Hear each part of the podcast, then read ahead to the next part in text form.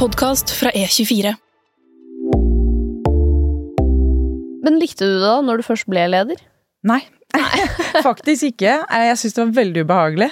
Jeg visste ikke hva ledelse dreide seg om. Jeg hadde vært mer interessert eller hatt det peilet for meg, så kanskje jeg liksom hadde hatt et litt mer forhold til hva det vil si.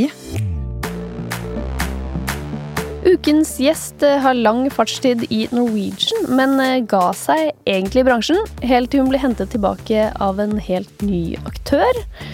Velkommen til Voksenpoeng med meg, journalist Nora Rydne i E24. Og velkommen i studio, Tonje Vikstrøm Frislid, administrerende direktør i Flyr. Takk for det. Klar for tre kjappe voksenpoeng-spørsmål? Ja, får prøve det. Hva er det beste du har gjort for eh, karrieren, Tonje? Det er vanskelig å si én ting. Jeg tror ikke jeg har jo ikke hatt noe peilt ut noe særlig vei, så jeg har vel gjort det jeg har likt å gjøre. Og det er jo er vel gjerne sånn at det man liker, er man ålreit på, da. Så jeg har liksom beveget meg videre ved det. Gjort det beste ut av det jeg er. Mm. Hva er det beste du har investert penger i? Ja, det er ikke noe investor, men jeg, jeg har litt sånn i fond. Ellers er det vel eh, kjedelig med eiendom, da. Bolig og leiligheter og hytte som ja, er det beste jeg har gjort. Mm. Hva er det verste du har investert penger i? Kanskje det verste er vel det man ikke har investert penger i, egentlig. Eh, men ellers så eh, Ja, investert og investert. Jeg har en sånn, husker det er sånn verste kjøp jeg har gjort, i hvert fall. Det er en eh, altfor dyr designsofa som jeg har hjemme, som skulle være veldig stor. Jeg tenkte den var fin å sitte i med hele familien, men den, fra den kom inn i huset, så har den blitt klagd på alle som har vært der. og den har vært så dyr at jeg har ikke turt å har ikke hatt hjerte til å kvitte meg med den før nå, faktisk. Forrige uke så kjøpte jeg meg en ny, så jeg håper det var et bedre kjøp. Er den faktisk vond å sitte i, da? Grusomt vond å sitte i, og altfor dyr. Så nå har jeg hatt den i ti år nå, så jeg tror det er på tide å bytte den ut. Mm. Ja, men Da har du sittet på investeringen lenge. Det er veldig bra. Gitt den en sjanse. sant, ja. men du har ikke Norwegian-aksjer, da? Nei, det har jeg ikke. Nei. Men i Flyr, da, så det satser vi på at vil bli en god investering etter hvert. Det, det kommer til å ta noen år, men ja. Time will tell. Mm. Men Tonje, hva ville du bli som uh, ung? Var det flybransjen som kalte fra starten? Nei, i motsetning til veldig mange som er i bransjen, så har jeg ikke hatt noe familie eller noe tilhørighet til den bransjen, så det var helt tilfeldig at jeg havnet der. Jeg eh, var nok veldig sånn, opptatt av rettferdighet og veldig glad i dyr da jeg var liten, så jeg har vel alltid ønsket å bli veterinær, og etter hvert kanskje jobbe mer med mennesker, og jeg husker jeg prøvde meg prøvde å få jobb innenfor bistand en eh, periode, men uh, ikke der jeg endte opp. Nei, nettopp. Ja, Så det var tilfeldig? Det var ikke sånn at du gikk med en drøm om å bli flyvertinne? Nei, det har aldri Ja, og det er jo en fantastisk bransje, men det var en bransje jeg overhodet ikke kjente til tidligere, så det var helt tilfeldig. Nei, jeg har nok der også gjort ting jeg liker, da. Studiet jeg har valgt, og det dreier seg liksom om samfunn og litt det overordnede der. Jeg har jo gått eh, statsvitenskap og samfunnsøkonomi og ja, så jeg har valgt de interesse, studie etter interesse der også, egentlig. Litt tilfeldig. Hm. Ja, Så du, du, ga opp veterinær på et punkt? Ja, jeg gjorde nok det. Jeg var nok eh, Litt ledet av hva jeg likte å gjøre akkurat der og da. Eh, og så har jeg aldri vært noe flink pike, eh, og ikke noe sånn skoleflink heller. Jeg klarte meg gjennom. Men det der når du liksom måtte gjøre litt ekstra, så gjorde jeg nok ikke det. Så jeg tror det første som stoppet meg, var egentlig karakterene. At jeg ikke jeg tok de på nytt igjen for å komme inn på, på det studiet. Ja. Så valgte jeg en annen vei og likte å ha mange baller i luften på en gang, da, så jeg har liksom ikke hatt tid til å sette meg ned Jeg har gjort dypdykk i nå, føler jeg. Ja, altså, Det var ikke sånn at du vurderte det? Sånn åh, men jeg skulle jo egentlig bli veterinær, la meg sette meg ned og ta opp fag? Jo, tanken streifet meg, men det, var, holdt, det ble med det. Den streifet og forsvant ut igjen, og så gjorde jeg noen andre valg i stedet. Mm. Ok, Så fra veterinær til statsvitenskap, hvordan skjedde det? Var det bare sånn ah, du må finne på et eller annet ja, litt det dreide seg jo om, som sagt, så var jeg opptatt av samfunn og rettferdighet og både dyr og mennesker oppi det. Så jeg hadde nok en veldig hjerte for det. Det har jeg for så vidt fortsatt, men mye sterkere når jeg var yngre. Så jeg likte å liksom lære hva er det som eh, beveger denne verden, og hva påvirker hverandre. Så jeg syns det var interessante studier å ta, egentlig. Så, hmm. Men da begynte du å like det da du først var i gang?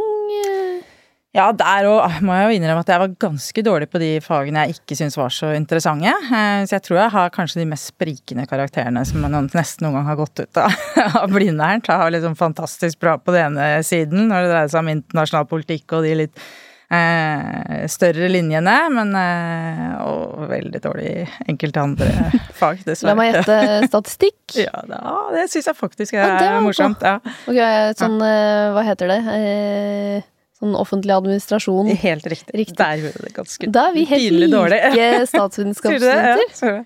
Eh, det, de mest praktiske fagene, ja. de er jo de kjedeligste. Ja. Og så ser jeg jo at vennene mine som har tatt dem, har fått litt mer ut av det enn Ser jo det litt seinere, at det er jo en verdi i de også. Absolutt. Veldig stor verdi. Mm. Men, eh, men det er mye morsommere med nasjonal. Ja. Men eh, som veldig mange andre statsvitenskapsstudenter, så regner jeg med at du på et eller annet punkt tenkte hva skal jeg bruke det her til? Eller hva kan jeg bruke det her til? Ja, som mange andre i det hele tatt, tenker jeg. Jeg har alltid lurt på hva jeg skal bli når jeg blir stor, og som sagt så har jeg ikke hatt den. Jeg har liksom ikke peilt meg ut noen karrierevei og tenkt at jeg skal bli leder eller det Ja, jeg har vært veldig opptatt av fag og vært nysgjerrig og likt det jeg har holdt på med, stort sett. Um, ja. Det er vel det som liksom har guida meg videre, da, mm. til å få mer ansvar og gjøre nye ting. Så bistand, det var det liksom første som eh, ploppet opp før, før, du var ferdig studert? Ja, når jeg var ferdig, så søkte jeg meg til type bistandsstillinger eller til eh, veldedige organisasjoner og sånn, og da var det veldig vanskelig å få jobb. Jeg lykkes ikke med det. Så hadde jeg via en bekjent, så måtte jeg ha en jobb til slutt. Eh, via en bekjent så havnet jeg i bank. Eh, noe helt annet. Og, helt annen planet, altså. Med en amerikansk bank, Citibank, hvor jeg jobbet mye med både kundeservice og etter hvert også prosessforbedringer og kontroll av prosesser. Eh, som var spennende, det. Men der igjen så var det også via, etter det jeg havnet i, i, luftfart. Det var heller ikke planlagt. Det var også en annen bekjent, en venninne av meg som jobbet der, og anbefalte meg over i en stilling der, en planleggingsstilling. Ante ikke hva jeg gikk til. Eh, men det var jo igjen altså to vidt forskjellige verdener. Jobbe i en amerikansk bank og inn i et norsk eh, luftselskap som er på vei oppover. Det var to forskjellige verdener, men jeg elsket jo fra første stund jeg satte min ben innenfor døren der, så syns jeg det var Grep det meg veldig. Hm. Men ikke i Citibank? Var det en sånn nedtur? Sånn ja, da endte jeg i kundeservice i bank, ja. Mm, ikke relevant jobb. Ja, ja, det var ikke veldig relevant, det var det ikke. Men jeg alltid trives godt med liksom, folk rundt meg, da. Så jeg hadde det utrolig bra. Veldig gøy på jobb med masse morsomme kollegaer jeg jobbet sammen med. Så det var fine år der, altså.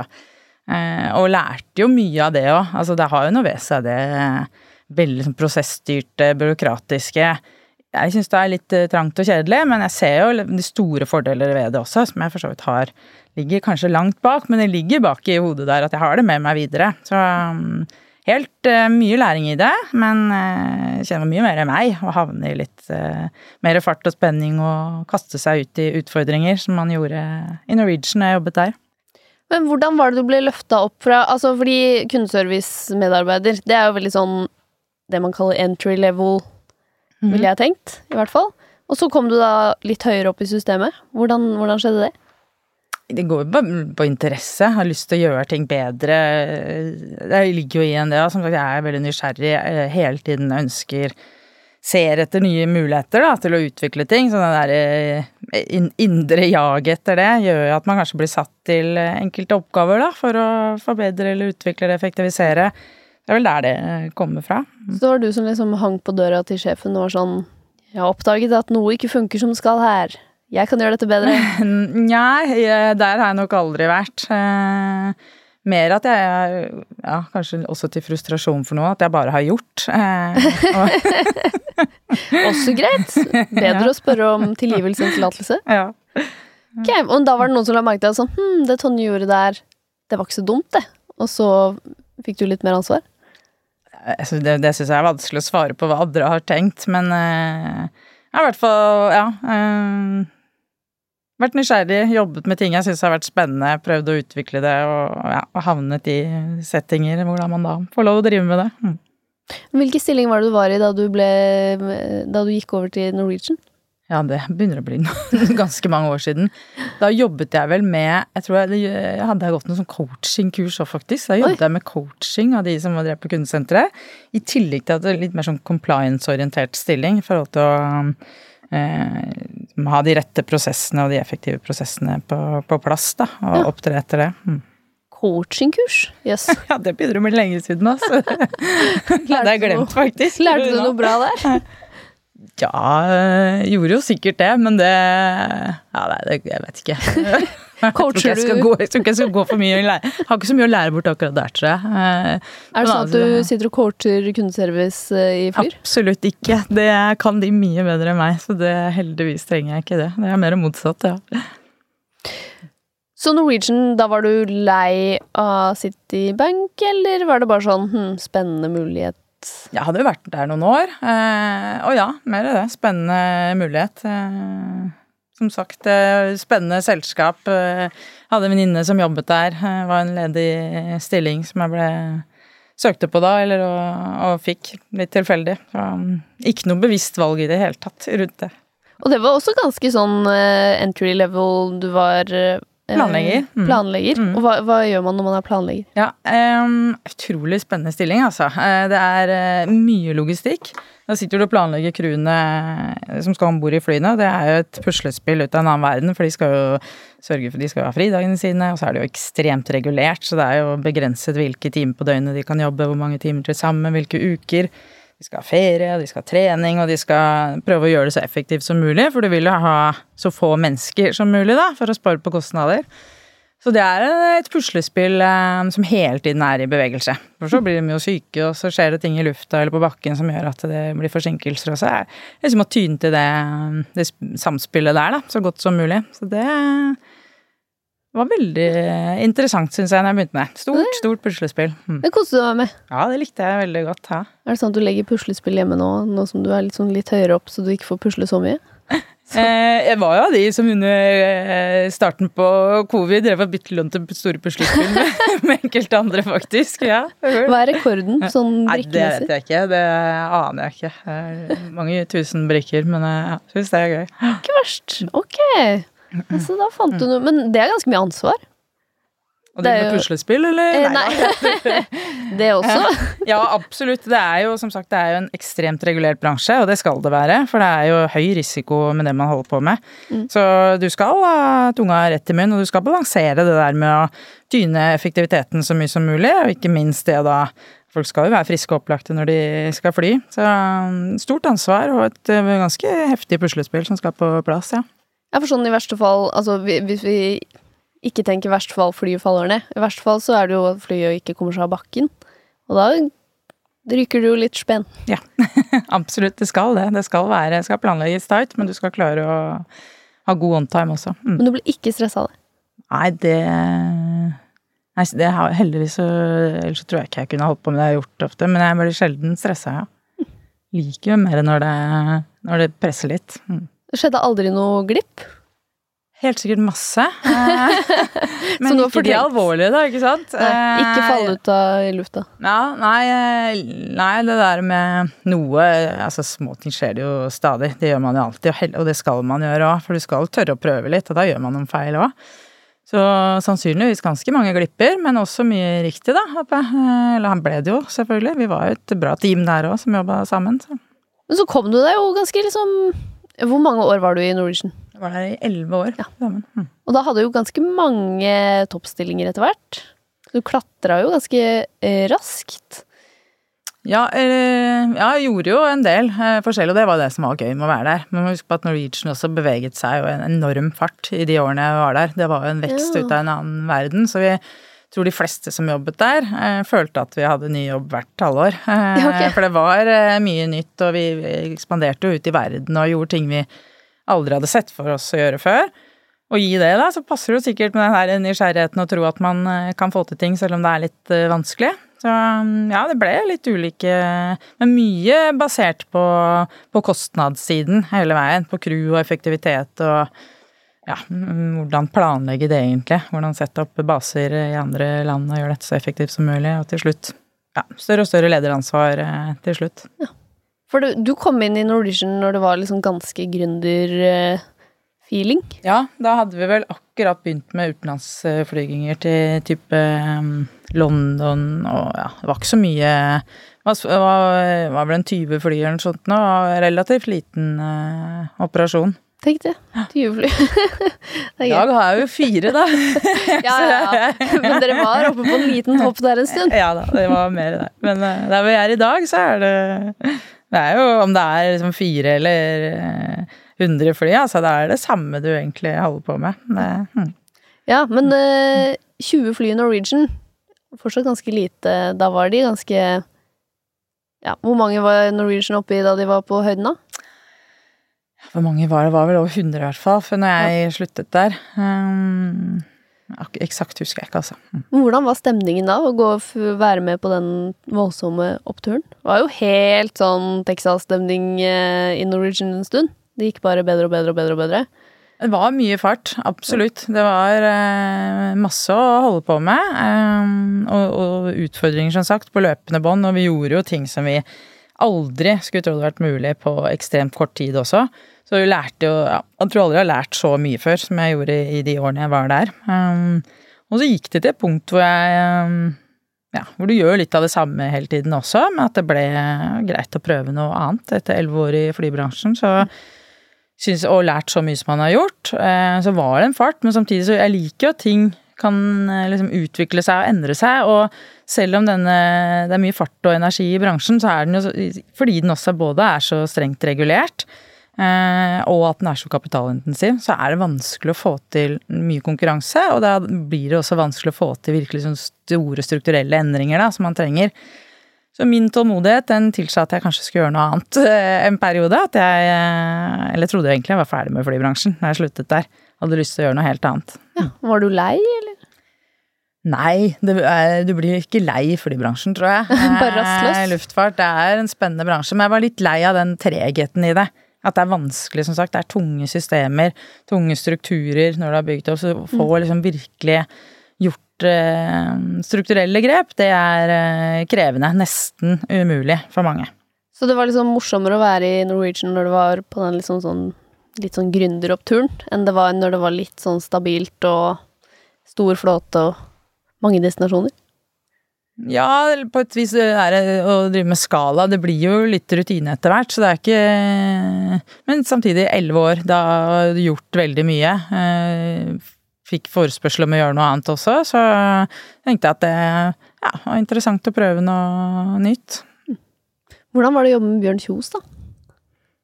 Han, det er jo litt av det som var årsaken til at det var så, skjedde så mye, alt jeg på å si, at man fikk til så mye der. Og han er jo Jeg tror ikke jeg har møtt noe liksom, maken til visjonær før. Han er jo helt unik der. Ja. Både liksom ha uh, veldig sånn tydelige visjoner, og ikke minst den der troa på at dette får vi til. Mm. Eh, og eh, ikke koste hva det koste ville, men liksom virkelig sette på de riktige menneskene da, og velge ut at dette Ja, som vi med veldig få ressurser, så fikk vi til utrolig mye. Ja. Så ja, det var lærerikt å jobbe under han. Hadde du mye med ham å gjøre, eller var det liksom litt eller? Under? Ja, både òg. Eh, jeg hadde jo en del med han å gjøre. Mm. Bra sjef? Jeg er som sagt veldig god på det visjonære. Utrolig god på å bygge eh, selskap. Som du sier, du var jo innom mange stillinger, men så lurer jeg også på når man begynner i sånn en planleggingsstilling, da, der du tross alt hadde ganske mye ansvar, til å liksom få mer ansvar og mer ansvar og klatre, og til slutt så var du Hva var tittelen din helt til slutt? Ja, hva var det? Et eller annet uh, vice president, bla, bla, manager nei, Hva heter det for noe? Crew management. Ja. ja. Så det var liksom hele den planleggingskjeden, da. Vi omorganiserte jo i Norwegian, og det var man jo nødt til til slutt. At mm. man måtte flytte ut deler av driften i, uh, i datterselskaper. Så min jobb var å liksom ta med seg hele den planleggingskjeden fra de som eh, planla hvor mange mennesker vi skulle ha i selskapet, altså crew, og hvilke baser de skulle være på til eh, de som planla de om bord i flyet eh, på rosterne sine, som det heter, og de som sett dag, fra dag til dag og sørget for at det var eh, folk om bord til å styre disse flyene. Så det var vel en kjede på en 200 mennesker, hvor vi også oppretta kontorer i Barcelona, blant annet. Så ja, det ble en ganske stor enhet til slutt. Mm. Da jeg lurer på liksom, hvordan kommer en statsviter seg liksom, fra nesten bunnen til nesten toppen? Hva gjør man? Hva er hemmeligheten? Jeg tror, eh, ja, hadde, jeg, hadde jeg hatt liksom det der klart for meg hvor jeg skulle, så kunne jeg kanskje svart på det på en enkel måte, men det har jeg jo ikke hatt, da. Så tja, jeg tror det går igjen på det at jeg har blitt veldig styrt etter eh, hva jeg syns er spennende, hva jeg liker å gjøre, og, og nysgjerrighet. Og da tror jeg at du etter hvert så har jeg kanskje skjønt før, var det mer tilfeldig. Nå har jeg skjønt at det jeg liker å gjøre, er kanskje det jeg også er ganske god på. Mm. Og da får du jo tillit, da, underveis. Eh, da blir du kanskje plassert steder hvor du kan gjøre nytte av det på best mulig måte. Altså, jeg tror ikke det er mer Det er ikke vanskeligere enn det. Jeg har ikke hatt noe Dit skal jeg. Eh, så Du bare fant talentet ditt litt tilfeldig, rett og slett? Ja, jeg tror det. Eh, det må jo være Altså, ja, egentlig. Jeg har alltid lurt på, som vi begynte med å snakke om, dette med hva skal jeg bli når jeg blir stor, og hva er det jeg egentlig kan? Så eh, sitter sikkert fortsatt og lurer på det, men jeg begynner å bli litt mer bevisst rundt det da, enn jeg var de første 30 årene av mitt liv. Ja. Men likte du det da, når du først ble leder?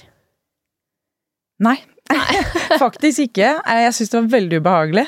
Jeg visste ikke hva ledelse dreide seg om. Jeg hadde vært mer interessert eller hatt det peilet for meg, så kanskje jeg liksom hadde hatt et litt mer forhold til hva det vil si. Eh, jeg var nok opptatt av det faglige og få det eh, For liksom få det beste ut av det produktet vi holdt på med. Eh, men akkurat det med ledelse har jeg aldri hatt noe Ikke noe kurs i, ikke fått noe opplæring i, ikke helt skjønt hva det dreier seg om. Så det tok ganske lang tid, altså, før jeg begynte å forstå det. Og igjen så er det vel den der nysgjerrigheten min på litt selvstudie, begynne å finne ut hva dette egentlig dreier seg om. Så jeg tror ikke jeg var så veldig god leder de første årene. Ok, men så ble du bedre. Du fant, fant deg sjæl der òg? Ja, noe med å tørre at faktisk ledelse har en betydning òg. Jeg har alltid vært Jeg har ikke hatt så veldig respekt for eh, autoriteter og Så jeg har, eh, jeg har nok vært en sånn uregjerlig eh, ungdom og, og barn. Så, men det å forstå liksom, den rollen og hvilken nytte det eh, kan gjøre, da, det har jeg først de senere årene oppdaget. Og da tror jeg, tror jeg, absolutt at jeg har blitt en bedre leder også. Vi har en eh, spalte i podkasten, Tonje. Hva er den største tabben du har gjort i karrieren din? Åh, oh, det er et godt spørsmål. Jeg tror jeg har vært ganske mange. Men um jeg kan liksom ikke komme på én Altså, jeg er ganske kjapp av meg, da, så jeg har jo flust av sånne episoder hvor jeg har eh, rast gjennom noe skumlest mail eller og svart svart litt i God dag, manøsterskaft, men ikke noe sånne store Tror jeg har gjort masse, masse småfeil. Um, den største tabben jeg kom på akkurat nå, er den der sofaen som jeg fortsatt sitter med hjemme. Men det har jo ikke noe med karrieren å gjøre. Eh, nei, jeg tror mer det at jeg har, jeg har nok gjort masse feil. Eh, og turt å gjøre mye feil òg. Jeg tror, eh, og vært ærlig på det. At jeg tror vi alle gjør ganske mye feil. Så, og er romslig både blitt, i hvert fall, om meg sjøl i forhold til å gjøre feil, og også andre. Så det, men de helt sånn store tabbene er kanskje unngått å gjøre nettopp fordi ja, jeg liker å få viss eh, overblikk over de beslutningene jeg tar, men tør å ta risiko når de er ganske små. Eh, så da blir det ikke de helt største blemmene. Så kan det hende at det er noen som tenker at 'husker du ikke det', men jeg, akkurat nå klarer ikke jeg å huske det. ja, du, du, forlot jo da altså Norwegian. Eh, ble de sure på deg da, forresten? Eller var det sånn greit? Nei, det var eh, Det syns de var kjempebra. Nei da, men at jeg Endelig. Nei, eh, de ble ikke det. Jeg har hatt kjempegodt forhold til alle kollegaene mine der, egentlig. Så de eh, De sa i hvert fall at de syntes det var synd og hadde lyst til å beholde meg, men jeg har hatt godt forhold til de hele veien. Det er en fin gjeng som sitter der òg. Så det ble Unibuss? Ja. Hvorfor, hvorfor, tenkte du eh, fra fly, eh, luftfart til bussfart? Nei, det var jo litt det derre steget om noe jeg liksom prøve noe annet, men ikke gå for langt, da. Eh, for at det var liksom min transport og noe jeg hadde et visst grep om. Men prøve noe litt annet allikevel. Så det var jo årsaken til at jeg havnet der. Men ja, ikke noe mer spennende enn det, egentlig. Litt forsiktig ut i noe annet. Var det vanskelig? Eller var det sånn Yes, si, ja? underbuss, sure, kjør. Akkurat det passet veldig godt. Eh, det gjorde det. Jeg, eh, jeg, begynte liksom å kjenne på at jeg var litt uh, mett fra mye reising og mye arbeid i, i Norwegian. Jeg trodde jo egentlig at har begynt å bli hva skal jeg si, ikke utbrent, men at jeg begynte å bli sliten av det. Og det er jo ikke noe hemmelig. Jeg har hatt, eh, hatt brystkreft, og det eh, viste seg jo da dessverre etter å ha begynt vært i Unibuss i to uker, at det, det var det. At jeg var ikke eh, Selv om man, man, sikkert var sliten ellers òg. Så det var en litt dårlig start. Men det liksom ja. passet veldig, var matchet veldig godt å få den en ny jobb da. Helt til jeg fant ut at jeg var sjuk, så, så matchet det ikke så godt allikevel. Uh, men det har gått veldig fint, altså. Operert og utallige ganger, og, men fint. Så jeg var der i og heldigvis så var jo det en veldig fin arbeidsgiver som tok det veldig pent. Uh, utrolig sånn menneskelig ledelse der, med, med, toppleder som er utrolig fin fyr. Uh, så det gikk bra. Mm. Veldig, veldig usympatisk ting å ikke ta pent, tenker jeg, hvis noen får kreft.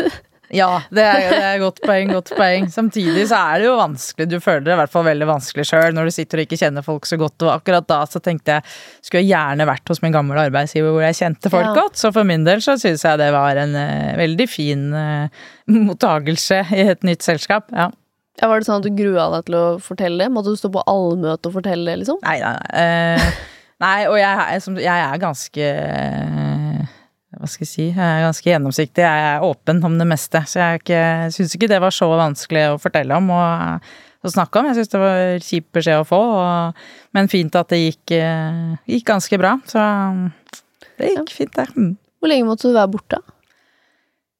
Ja, hvor lenge jeg var Jeg var ikke så lenge sykemeldt, egentlig. Jeg var eh, borte en periode, og jeg måtte jo operere og se et par måneder, kanskje. Men så jobba jeg litt ved siden av. Syns det var veldig ålreit. og så lenge, som sagt, så kom jeg veldig Andre har kommet verre ut av det der enn meg, så jeg hadde en ja, ja, mye sånn, enklere prosess. Mm. Ja, du slapp den der senskader der man blir kjempesliten. Ja, det har gått eh, bra med meg. Mm. Men dette, du trodde at du var utbrent? Var det det som skjedde? Jeg trodde at jeg var eh, Fikk en del sånn rar Jeg trodde jeg var sliten. Eh, jeg reiste mye. Jeg husker jeg var på en eh, alpetur med noen venner hvor jeg fikk en sånn helt absurd allergisk reaksjon. Hender boblet opp og begynte å få pusteproblemer og sånn. Men aldri, jeg har aldri vært allergisk for noen ting. Så jeg var hos legen når jeg kom hjem igjen, og da skjønte de at det var noe annet med kroppen min. da, Den jobba med noe annet, så ja. ja. Men sånn skjer. ja. Ja, ja, Som sagt, så jeg, jeg er jo ikke noe hemmelighet, men det er, det er, så mange som har hatt det verre enn meg oppi der, og meg har det gått veldig bra med, så det er ikke noe, ikke noe stor, eh, stor, sak. Men det var ikke derfor du slutta i Norwegian? At du tenkte nå er, nå er det så slitsomt at nå skal jeg trappe ned, eller? Nei, jeg tenkte at, var, at, jeg var sliten. At det var mye reising og mye jobb. Og at det, eh, det fristet når jeg da fikk eh, tilbud fra et som var veldig lokalt. På et tidspunkt så ble jeg litt sånn Du kan bli litt mett på, på ekspansjon og skala og ut i verden og ut og erobre nytt hele tiden. At det, det var jo fantastisk gøy, og jeg skjønner jo alle som kommer inn der som syns det var morsomt, men du, etter hvert så ble det litt rutine, det òg. Um, og som sagt så er det en bransje med masse bevegelse, men den er ekstremt rigid. Da. Så, du, så jeg, blir, jeg, blir, utålmodig, og da hadde jeg lyst til å gjøre noe, prøve noe annet og se om det var andre bransjer her ute hvor det gikk an å, å få til litt mer, kanskje på litt eh, kortere tid. Og det var det. Unibus var en fin eh, bransje. De også var jo var med og elektrifiserte Oslo, blant annet. Så det var jo kjempespennende prosjekt med disse elbussene som skulle inn. Så det var jeg med på da. Hm, fin gjeng som jobber i Unibus òg. Så da lurer jo jeg veldig på hvordan Flyr greide å snappe deg tilbake. Du var ikke mange år i buss? Par år? Nei, og det verste er at jeg jo, skulle jo være der lenger. Og så ble jeg, når jeg var i Unibuss, eh, så ble jeg først kontakta et selskap som heter Core, som driver med facility management. Eh, igjen en sånn rekrutteringsprosess hvor jeg var veldig avvisende til å begynne med. Og så ble jeg med på et møte, og så ble jeg med på en lunsj, og så begynte jeg å møte et par av de menneskene som jobbet der, og blant annet administrerende Nicolai Utheim. Mm. Og da, altså det hva skal jeg si, det traff meg så innmari Som sagt, jeg velger jo litt etter magefølelsen noen ganger, men der var jeg ganske avvisende. Altså, men de hadde en sånn Det er lavmarginyrke, eh, og en bransje med altså liksom alle typer mennesker i. Og så hadde de altså en sånn verdi der som traff meg så veldig. Den derre med hva er det vi kaller det, vi bryr oss, eller jeg bryr meg-kultur, kaller de det der. hvor du liksom virkelig skinte gjennom at menneskene kommer først, og så er eh, økonomien etterpå. Og det var så tydelig der, så jeg ble veldig nysgjerrig på det. Og så i tillegg til sånn høykompetente folk. Så jeg ble overbevist da, om å være med dit, og de skulle starte opp en ny eh, enhet eh, som de ønsket at jeg skulle eh, være med å bygge opp. Og det her Jeg startet vel der i februar, eh, før covid kom. Eh, og så kom jo covid. Og det som var bra med, med, sånne kriser, da, at da ser du virkelig hva som bor i folk. Så jeg husker det, jeg kom jo litt den der hvilke muligheter finnes når vi satt rundt eh, i ledermøte. Eh, hadde litt sånn krisemøte, hva gjør vi nå? Eh, ja, hva kan vi liksom Nesten ikke utnytte oss av, men hva kan vi gjøre, da? Eh, hvilke muligheter kan vi ta? Og husker jeg hele den gruppa satt rundt og så nesten litt rart på meg, og, bare, men, eh, og fikk ganske tydelig beskjed om at vet du hva, det er, nå skal vi ta vare på menneskene som jobber her først, våre ansatte og, og kundene våre. Og så kan vi se på muligheter etterpå. Og det kjente jeg at liksom skuldrene datt ned. Det var så Det traff så veldig. Og i tillegg, så de gjorde det. Var utrolig gode på å ta vare på menneskene rundt seg. I tillegg til at man faktisk klarer å tjene penger opp i det også. Så det tror jeg Så mye Altså den læringen rett i trynet der, egentlig, den hadde jeg veldig godt av, og var veldig ok. Og så, så jeg likte meg så godt i det selskapet der. Eh, og som sagt, jeg trodde aldri jeg skulle tilbake til flybransjen igjen. Jeg syns den er veldig morsom, men ganske treg. Eh, samtidig som jeg satt og tenkte der, så sitter det en annen nestor i, bransjen og tenker at åh, se på den verden, nå raser det sammen. Hvordan går dette med flyselskapene, de tradisjonelle selskapene? Én en ting er at det er en vanskelig situasjon, men det er liksom noe med den tregheten igjen, da, når markedet kommer til å endre seg etterpå. Så når han valgte å starte opp det her, og det teamet som da kom på plass, og um, de spurte om ikke jeg ville være med på det, så jeg, var jeg først veldig skeptisk, for jeg hadde ikke tenkt meg tilbake. Men den der muligheten til å få bygge opp noe helt fra bunn, nye systemer, lett organisasjon, helt tilpasset det markedet vi er i nå, det var så unikt og så spennende at det klarte jeg til slutt bare ikke å si nei til. Så det var vondt å forlate Kår, og jeg hadde mange gode diskusjoner og samtaler med, med Nikolai der, men øh, valgte det. Og det har vært ganske morsomt, det her òg, altså. Ja.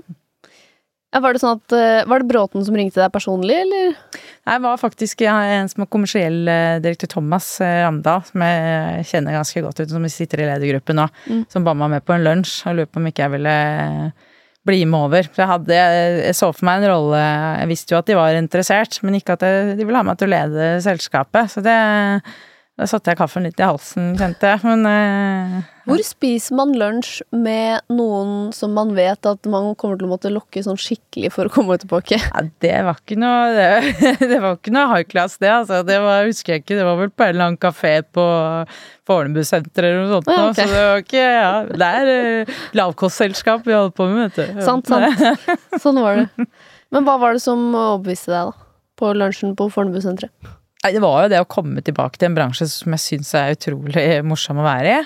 Eh, og få lov å bygge helt fra grunn. Eh, liksom få lov å, vi har jo vært med noen år og eh, gjort en del riktig, men også gjort en del feil. Og få lov å liksom, gjøre dette på nytt, og, da uten den tunge strukturen som finnes ellers. Det, det er helt unikt. Det, er, så det, ja, det kommer jo ikke til å skje igjen, så kunne ikke si nei til det, altså. Mm. Men dette var under korona.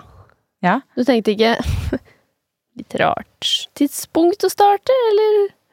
Det er jo gjerne da det oppstår noen muligheter, da, i en sånn tid. Å starte et flyselskap kan du ikke gjøre eh, når som helst ellers. Det er både ganske komplekst, og du må ha Eller det er komplekst, så du må ha ganske sånn spesifikk kompetanse. Ulik type kompetanse for å drive det.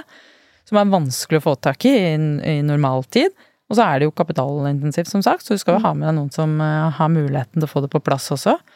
Og det få, så, så, det er en mulighet du ikke har ellers. Og nå da i tillegg få den muligheten, og kunne bygge dette her med helt nye, moderne systemer, og da en lett organisasjon i tillegg, som vi kan få lov å ha her, da. Det er også ganske unikt. Du ser jo rundt oss, det er ganske få som, uh, som har et kundesenter sittende i Norge for å kunne serve de kundene våre tett på. Og ansatte her tar godt vare på de, tar godt vare på kundene. Det er, ja, det er noe helt nytt. Og vi mente jo at det, det var noe, um, noe, sjeldent, og noe det var behov for. Og de tilbakemeldingene vi har fått, viser seg jo at vi har jo truffet noe, for det er, eh, det er ganske morsomt. Altså. Jeg sitter og, og, koser meg når jeg sitter og leser på sosiale medier de kommentarene som kommer fra, fra kundene våre der eh, om mm. selskapet. De er godt fornøyd med kundeservicen vår og opplevelsen de har. Det må vi fortsette med. Ja.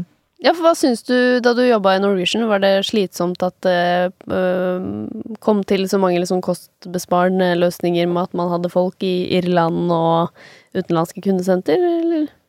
Altså, det er jo spennende. Det er jo spennende å kunne drifte på den måten òg, og få være med på, på noe nytt. Og, og, og, nødvendig. Eh, det ser vi jo på flere selskaper nå. Det er jo nødvendig og, for at man skal kunne overleve. Det trenger jo ikke vi, da. Vi er jo mye mer effektive i bunn, så det er derfor jeg syns dette her er så uh, innmari gøy. Uh, og utfordrende også, men det er å få lov å bygge dette her i Norge, ha gode avtaler, ta godt vare på de menneskene som jobber hos oss, det føles ganske godt når du skal sitte og, lede de. Mm. Så det er ikke sånn at dere kommer til å outsource til Irland? Nei, men vi må fortsatt være supereffektive. Så vi må ha god kontroll på det. Uh, da kan vi fortsette å drifte her. Betyr det at du jobber Jeg kan nå se for meg at du jobber ekstremt mye, som å fylle såpass mange roller, eller får du slappet av? Jeg er god på å slappe av òg, heldigvis.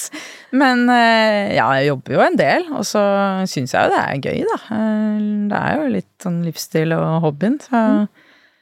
Liker jo det jeg holder på med, som sagt. Det blir jo Ja, nei, det er veldig morsomt, men det er definitivt krevende. Vi er store konkurrenter vi konkurrerer mot, og etablerte navn, så vi er jo kommer jo til å ta tid å bygge opp dette her. At folk har lyst til å prøve oss og prøve oss igjen og, se, og få den tilbakemeldingen og se hvordan det har vært. Men eh, ja, nei, vi er forberedt på at det tar tid. Eh, det er vi. Men uh, liker det godt. Hvor mange fly skal det bli, da? Ja? Nå på, har, planen vår er å dekke det norske markedet og stoppe der. Um, og da ser vi på sikt at vi skal være en rundt mellom 26 og 30 fly. Så vi har ikke tenkt å bli så mye større enn det. Og, og det er jo også det nye. Vi trenger ikke den voldsomme skalaen som eh, konkurrentene våre gjør for å kunne være lønnsomme, fordi vi er så effektive i bunn. Hvordan var det å ta steget opp og bli eh, toppsjef? Ja, det, eh, egentlig, jeg liker jo å ta ansvar og ta beslutninger, så jeg liker jo på et vis. Det som jeg ikke er så forberedt på, jeg er ikke den som liker liksom, mye oppmerksomhet eller hva skal jeg si Jeg driver ikke management på entertainment, da, så jeg er ikke så god på det. Jeg er veldig glad i den lite, eh, Altså å høre på folk og, og få gode samtaler. Men akkurat det å sitte i sånne her type podkaster eller annet, det var jeg veldig ukomfortabel med. Eh, og det var kanskje derfor jeg eh, tvilte mest på om jeg skulle ta jobben. Eh, så venner man seg til det på et vis òg. Eh, så det var den største utfordringen, syns jeg. Akkurat det der å lede et flyselskap, det Da vet vi driverne, og vi vet hva som skal til. Så ja, det syns jeg egentlig bare er morsomt. Så har vi jo ja, vi, som sagt, vi har fått tak i folk du aldri ville fått tak i ellers. Så det er jo et helt uh, utrolig kompetent og bra team. Jeg har ikke vært borti en organisasjon som har, er så entusiastisk og motivert som det de folka jobber sammen i flyr her. Så det er veldig lett å sitte og snakke om selskapet mitt i sånne samtaler som det her, og det mener jeg oppriktig, for det er altså en så fin gjeng jeg jobber med. Hm. Men du ligger lavt på Petter Stordalen-skalaen? Han er nok mye bedre. Jeg skulle ønske at jeg var litt bedre på det innimellom, men eh, jeg har forhåpentligvis mine andre sider som eh, kan fungere, de òg. Men dere fikk jo, som du sa, liksom plukket opp mye bra folk. Eh, og fikk kanskje tak i noen billige flymaskiner òg. nettopp fordi dere starta opp i en lavkonjunktur, akkurat for flybransjen i hvert fall. Mm. Og så kom du fra en aktør som sleit voldsomt under korona. Hvordan, hvordan, var det? Var det noe du tenkte på? At du satt og bygget på noe nytt? Litt sånn av skraperestene til noen andre? Ja, det gjorde jeg, og det, jeg har fortsatt gode kollegaer eh, som, sitter, som jobber der. Så det var Og det føltes rart, jeg må jo si det, når du sitter ikke bare liksom overfor konkurrentene, men samfunnet generelt, når ting går dårlig, og vi sitter og er euforiske. Og, så det, eh, det er veldig morsomt innenfor våre lukkede dører hos oss, men eh, du så jo det når du åpner avisen eller snakker med andre, så det, det var veldig sånn todelt følelse, altså. Eh, men så er jeg jo konkurransemenneske. Da. Jeg er, opptatt, jeg er oppvokst holdt på siden i idretten, og det skal jo være lov å gjøre det bra da òg, selv om du kan være ålreit for det, altså, mot andre å ha Men ja, nei, vi må jo få lov å å nyte det vi holder på med. Og, og det skal vi gjøre òg. Ta godt vare på hverandre og ha det ålreit. Jeg tror det er Det skal være bra å jobbe i Flyr, og det tror jeg de fleste syns. Du fikk ikke noen sure minner fra tidligere Norwegian-folk? Ingen sinte nattameldinger fra Bjørn Kjos? Nei, nei, nei. De er, altså, de er godt uh, opptatt med sitt. De, det er konkurranse og den bransjen har alltid vært uh, sterk konkurranse. Den kommer til å fortsette å være også. Det, er mange flinke folk i den bransjen her. Men vi har heldigvis fått tak i ganske mange av de hos oss. Helt til slutt, eh, Tonje. Eh, hvis du kunne gitt 20 år gamle deg selv et råd, hva ville det vært? Burde jo sikkert vært mange, men eh, kanskje enig ja, Eller jeg vet ikke om jeg angrer på det ikke, men det er jo noe med liksom kanskje være litt mer Jobbe litt hardere enn det jeg gjorde i perioder. Både med idretten og på skolen, for så vidt. Samtidig så har jeg liksom fått med meg mye, da, og det er en fordel jeg har i dag. At jeg får med meg ganske mye. Det har et bredt eh, spekter. Um, ellers så er det noe med det å, å, å, stole på at man Det man kan er ganske bra. At man har liksom sine egenskaper. Uh, det har jeg i hvert fall blitt veldig tydelig på nå. At det, er noen ting jeg kan, og så er det veldig mye jeg ikke kan. Og det er jo en fordel at jeg klarer å se det, og, og sette sammen gode team og bruke andres egenskaper da, for det det er verdt. Så kanskje vært litt tydeligere på hva jeg finner mine gode egenskaper. Jeg og vært kanskje litt tydeligere det underveis. Men eh, jeg har jo, har jo vært hatt det ganske bra. Jeg er ganske fornøyd med, med ungdomstida. Jeg har fått med meg veldig mye, selv om jeg ikke har vært sånn knivskarp på enkelte områder så, som jeg sikkert burde vært eh, bedre på. Så ja, alt i alt helt uh, Men du bra. fant talentene dine. Det skal du ha. Ja, ikke sant. Jeg har jo gjort, det er jo noe med å stole liksom, på magefølelsen òg, og ja. den magefølelsen baser, er jo gjerne basert på et, uh, noe annet. Noe mer fakta inni der. Så det, ja. Jeg, kunne godt ha jobba litt hardere, det ser jeg. Og det, dessverre så ser jeg det på barna mine nå, at de er ligner meg. Jobb litt hardere, så kanskje du når litt lenger litt, på litt kortere tid. Men uh, ja. Tusen takk for at du kom hit i dag, Tonje Wikstrøm Frislyd, altså administrerende direktør i Flyr. Gratulerer med meg. Hvis du f.eks. vil lese skoleboka til Tonje, så må du gå og følge oss på Instagram. Der heter vi Voksenpoeng med Nora.